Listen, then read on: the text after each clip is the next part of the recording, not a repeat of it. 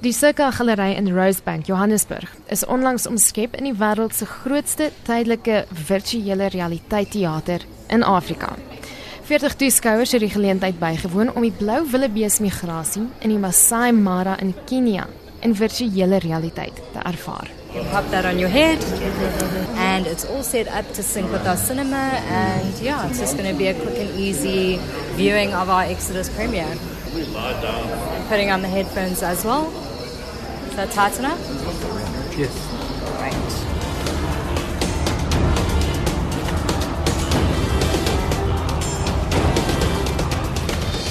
More and more paths are formed across the river. Over 3,000 animals make this crossing in less than five minutes.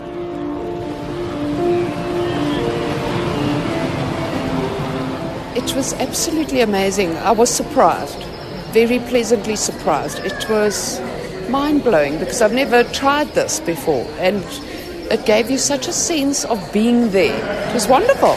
Never tried this VR thing before, so it was mind blowing. For me, it was absolutely mind. It's my passion. Wildlife's my passion, so it was just a you know double take on everything. Well, I think it's amazing um, out of a conservation and um, environmental education background. You know, children never can sit still. Out of that point of view, they can look at whatever they want the birds in the sky, the crocodiles swimming past, the um, wildebeest coming. Dis die eerste keer dat 'n dokumentêre program van immigrasie gemaak word in virtuele realiteit. Gewoonlik word kameraspanne net toegelaat om materiaal vanuit 'n voertuig op te neem. Maar in die geval was dit anders. Die span het toestemming gekry om kameras staan te maak weg van die voertuie af binne in die diere se natuurlike habitat. Ulrika Grekambo, die uitvoerende hoof van Deep VR wat die film vervaardig het, sê die diere was aanvanklik nie te vertroud met hierdie vreemde strukture nie. Oh, we thought uh, the wildebeest would be a lot like those we saw in The Lion King, and they just kind of stampede straight through the cameras, and just it would be a trail of mayhem and destruction. The truth is that they're way smarter and way more sensitive than we could have thought. So the first few days we put our camera down, and from 25, 30 meters away, they'd see it, and they just skirt all the way around it. And the challenge for us is that we can't zoom into the footage, so we actually need stuff very close to the camera to be cool in VR. Die opneem van virtuele realiteit is egter so nuut dat die toerusting wat benodig word nog nie bestaan nie. We have to make a rig that can see in all directions uh, out of individual normal cameras. Now, obviously, they're limited in terms of you know in the direction that they're pointing. So we have to capture multiple angles with multiple cameras. Then in post production, we have to stitch all the footage in a way that is completely seamless.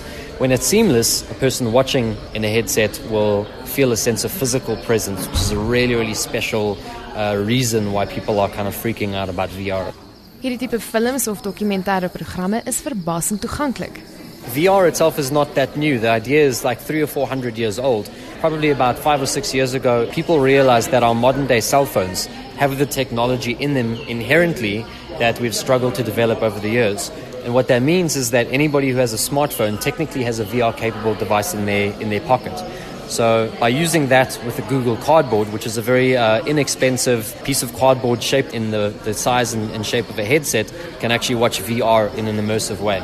Natuurbewaring deur middel van virtuele realiteit was 'n groot besprekingspunt na afloop van die film. The really powerful thing about VR, feeling like you're physically there, is that uh, you feel more empathy. People are calling VR the ultimate empathy machine. So, for example, a refugee camp or uh, you know poached rhinos. It's easy for us to put it out of our minds. You put a headset on and you're standing next to you know a poached rhino.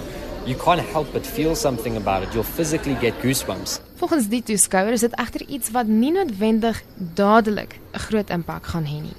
I think with the, with these guys, as they said, you know, all along, it's all, all new for them still.